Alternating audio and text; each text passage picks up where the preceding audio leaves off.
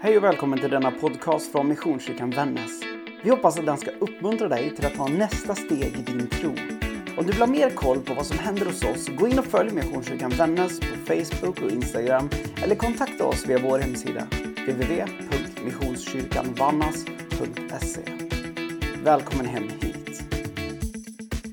Hej och välkommen på gudstjänst i Missionskyrkan Vännäs. Idag så, Eh, så är det tacksägelsedagen och eh, jag kommer predika över Lukas evangeliets 19 kapitel, verserna 37 till 40. Och jag vill börja med att läsa den texten för dig. Då Jesus närmade sig staden och var på väg ner från Olivberget började hela skaran av lärjungar i sin glädje ljudligt prisa Gud för alla de underverk de hade sett. Välsignad är han som kommer, konungen i Herrens namn. Fred i himlen och ära i höjden.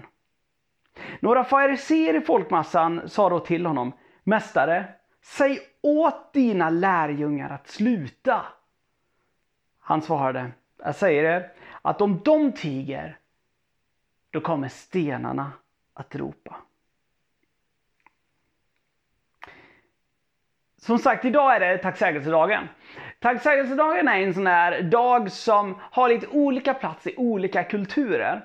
I eh, Sverige så har det varit vanligt att fira skörden så här års.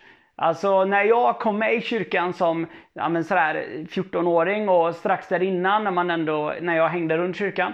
Så med, minns jag att vid den här tiden då fylldes det på på kyrkan med liksom skördealstra av olika slag. Det var kärvar, det var morötter, det var lökar och plötsligt kunde man gå på gudstjänst när det var stora pumper som stod fram, framme på estraden. Det var liksom ett sätt att fira. Titta, det där undret har skett igen. Brödundret om du så tillåter har skett igen. Vi har mat för ett år till. Men i andra kulturer så är det ju här mycket, mycket vanligare. I anglosaxiska världen, alltså England och USA och så vidare, där firar man ju, om än lite senare, Thanksgiving. Och Thanksgiving det är ju en av de absolut största helgdagarna i USA. Och jag har haft äran att två gånger få fira Thanksgiving. Och Thanksgiving, alltså jag vill bara säga det, det är min Alltså om det är någon högtid jag skulle vilja införa till Sverige så är det den. För jag tycker det är en fantastisk högtid. Och häng med, ni ska få förstå varför. Till att börja med, tänk er en rejäl kalkonmiddag. Alltså, du vet kalkon, det, det, är ju, det är ju gott va. Men kanske inte det bästa som finns, men det är gott. Men det är en fantastisk tranbärssås till man käkar pumpapaj. Ni fattar, hela paketet. En riktig festmåltid. Dessutom så är det en fest som är lite annorlunda än jul. För här är det liksom påbjudet. Här liksom säger man att ja, men här ska du bjuda in dina vänner. Ingen Alltså det är på något vis, i Sverige så brukar vi prata om att ingen ska sitta ensam på jul. Lyckans medium med det kan vi säga i Sverige. I USA så är traditionen liksom ännu tydligare. På Thanksgiving sitter man inte själv. Det är en familjehögtid, men det är också stor familjehögtid. Alltså att man på något vis försöker ta med sig så många man bara kan. Och det är faktiskt ingenting konstigt i de allra flesta delarna har jag fått förklarat av amerikanska vänner att man skulle välja att fira Thanksgiving utan familjen men med vänner istället. Vid det ena del, firandet som jag deltog på, där började festen med att vi Ja men det var på ett ytterst klassiskt vis. Och där började man med att man stod runt bordet, alltså alla som skulle äta middagen. Och så berättade man för varandra om det här är jag tacksam för i mitt liv just nu. Det här är jag väldigt, väldigt glad för. Eller, det här är någonting som är ett glädjeämne för mig. Det här är någonting som jag är tacksam till Gud för. Efter det bad vi och gemensamt tackade Gud för alla, alla de ord av tacksamhet vi hade hört. Och efter festen så bads även en bön om att men Gud låt oss leva i den här tacksamheten. Låt oss vara tacksamma och vandra liksom med tacksamheten som en sorts grundpuls i våra liv. Alltså, är ni med? Fattar ni vilken fantastisk högtid det här är? På det ska vi sägas att Thanksgiving också har blivit en traditionell idrottsdag i USA, så jag skulle ju uppskatta det på det sättet också, för att när man har käkat det där, jag skulle garanterat att käka för mycket, fråga mig gärna om min första Thanksgiving-middag. Eh, att sen bara få krascha i soffan och däcka och titta på idrott med vänner, alltså jag menar, ja, det är någonting som jag hade uppskattat. Eh, en högtid då, som liksom baseras kring att samlas i gemenskap med vänner, med familj, för att på något vis fira tacksamhetens lov, att liksom sjunga tacksamhetens lovsång. I den texten som jag läste tidigare, då befinner vi oss precis i Jesu intåg i Jerusalem. Det här är en del utav det när Lukas beskriver hur det går till när Jesus rider in i Jerusalem. Ni vet, första advent och sådär, och palmsöndagen. Samma text egentligen. Jesus rider in på åsnan, folk skär av palmer och breder ut mantlar framför honom. Det är lovsång. De liksom lovsjunger Jesus.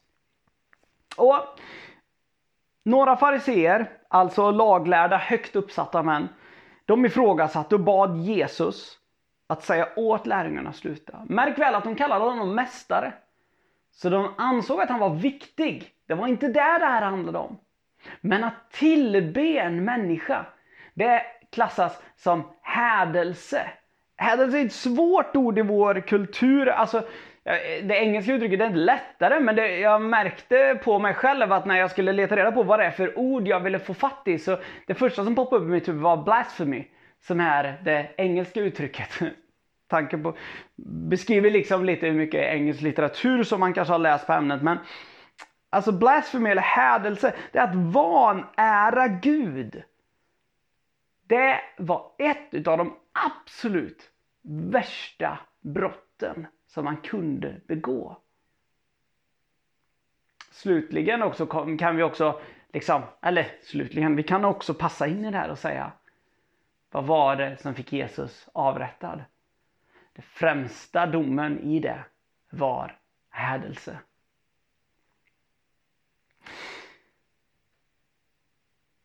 Men det anmärkningsvärda i det här, det är liksom inte vad som sker med vad att fariseerna säger åt honom. Det är inget konstigt, det är liksom rimligt. Utifrån deras förståelse.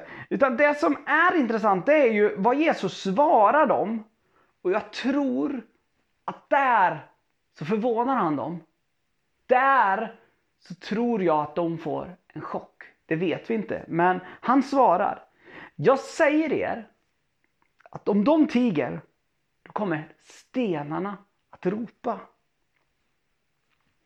Varför är det här så chockande? Jag menar, det är ett starkt uttryck i vår tid för att alltså, det går inte att stoppa lovsången. Och det är det ena delen av det. Men det andra, som är så otroligt intressant tänker jag, det är också att Jesus här pekar ut vad som är en kärna i hans natur. Vem är Jesus innerst inne? I Johannes evangeliets första kapitel så finns något som vi brukar kalla Johannesprologen. Och det är en sorts förklaring om hur det gick till när Gud blev människa och kom att bo mitt ibland oss. Det här är på ett väldigt metafysiskt plan, verkligen så avancerat. Men det är en liksom rejäl förklaring. Lärjungarna tillbad därför inte, som fariséerna då trodde, en vanlig enkel man. Det lärjungarna tillbad, det var Gud, Fadern själv. Det var Herren, Javé själv. Och hela skapelsen, liksom, om, vi, om vi läser igenom Bibeln så är det som att hela skapelsen tillber skaparen. Alltså, allt som sker i vår natur är på något vis liksom till svar i ett lov till Gud. Alltså, jag tänker att leva i den här tiden som vi lever just nu, i den här ändan av världen, så tänker jag att hela skapelsen, liksom, när den exploderar i färg, är ju som en enda lovsång till Gud. Har du någon gång de senaste veckorna gått en promenad ut med älven här i Vännäs, eller Vännäsby? Alltså, du förstår nog vad jag menar. Man bara, hur kan det vara så här? Och vi som människor, vi beskrivs ju i Bibeln som kronan i skapelsen och således är det så att i grund och botten så är vi skapade till att lovsjunga Herren, att leva i en lovsång till Gud. Och hej, vi kan ju lika gärna vänja oss. Jag menar liksom, du kanske känner att liksom, nah, där känner jag inte igen mig riktigt i. Men hörru, lyssna här. I Uppenbarelseboken 7 och 9 så berättar aposteln Johannes om den här synen som han får av himlen.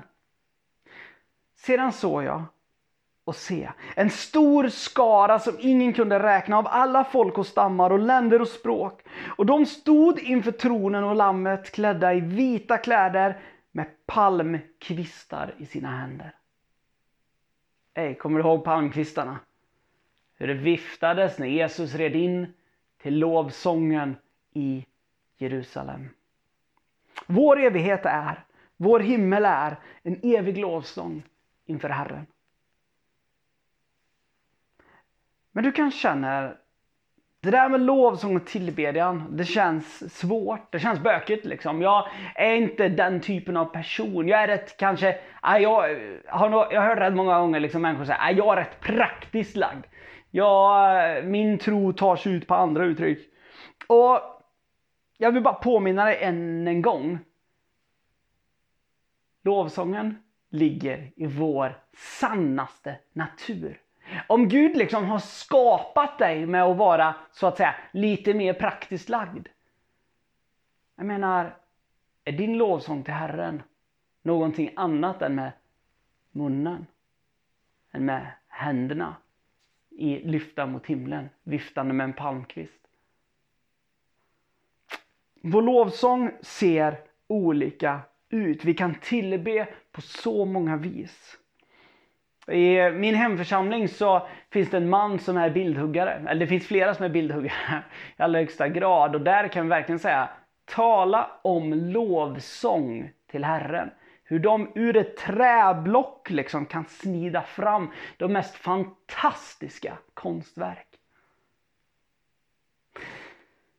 Om du upplever att du inte kan tillbe, det känns svårt, du vet inte var du ska börja. Kanske är det så att just du bara ska få sitta ner och låta stenarna inom dig ropa. Och då menar jag inte de förhoppningsvis få gallstenarna och njurstenarna du har, utan jag menar att bara låta ditt inre, det som du upplever som kanske dött och kallt och inte som det händer så mycket i, att bara låta det få brusa. Låta det få vara i en tillbedjan inför Gud. För i grund och botten så är lovsång två saker tänker jag. För det första, det är ett sätt att peka på att Gud är helig och att man genom det bekräftar vem är jag i den här skapelsen. Det är du som är högst Gud, det är inte jag. Det andra, det är ett sätt att visa sin tacksamhet. Att sjunga tacksamhetens lov. Jag menar, kanske är det så att just din största lovsång skulle vara att bara gå ut, sätta dig på en stubbe och känna en tacksamhet till Gud. Låt oss be. Herre Jesus Kristus, tack för din sanna natur. Tack att du är Gud. Tack för att du har skapat allt. Du finns i allt. Och du lever genom allt. Herre, jag ber dig den här tacksägelsedagen. Att vi ska i lovsång bara få jubla ut vår tacksamhet till dig. Herre, oavsett om det kommer via munnen eller genom en stilla ut, utandning så ber jag dig Herre, låt oss verkligen få känna av den tacksamheten. Jag ber om dig i ditt heliga namn Jesus. Amen. Och ta så slutligen emot Herrens välsignelse. Herren välsigna dig och bevara dig. Herren låter sitt ansikte lysa över dig och vara dig nådig. Herren vänder sitt ansikte till dig och ger dig utav sin frid. I Faderns och Sonens och den helige Andes namn. Amen.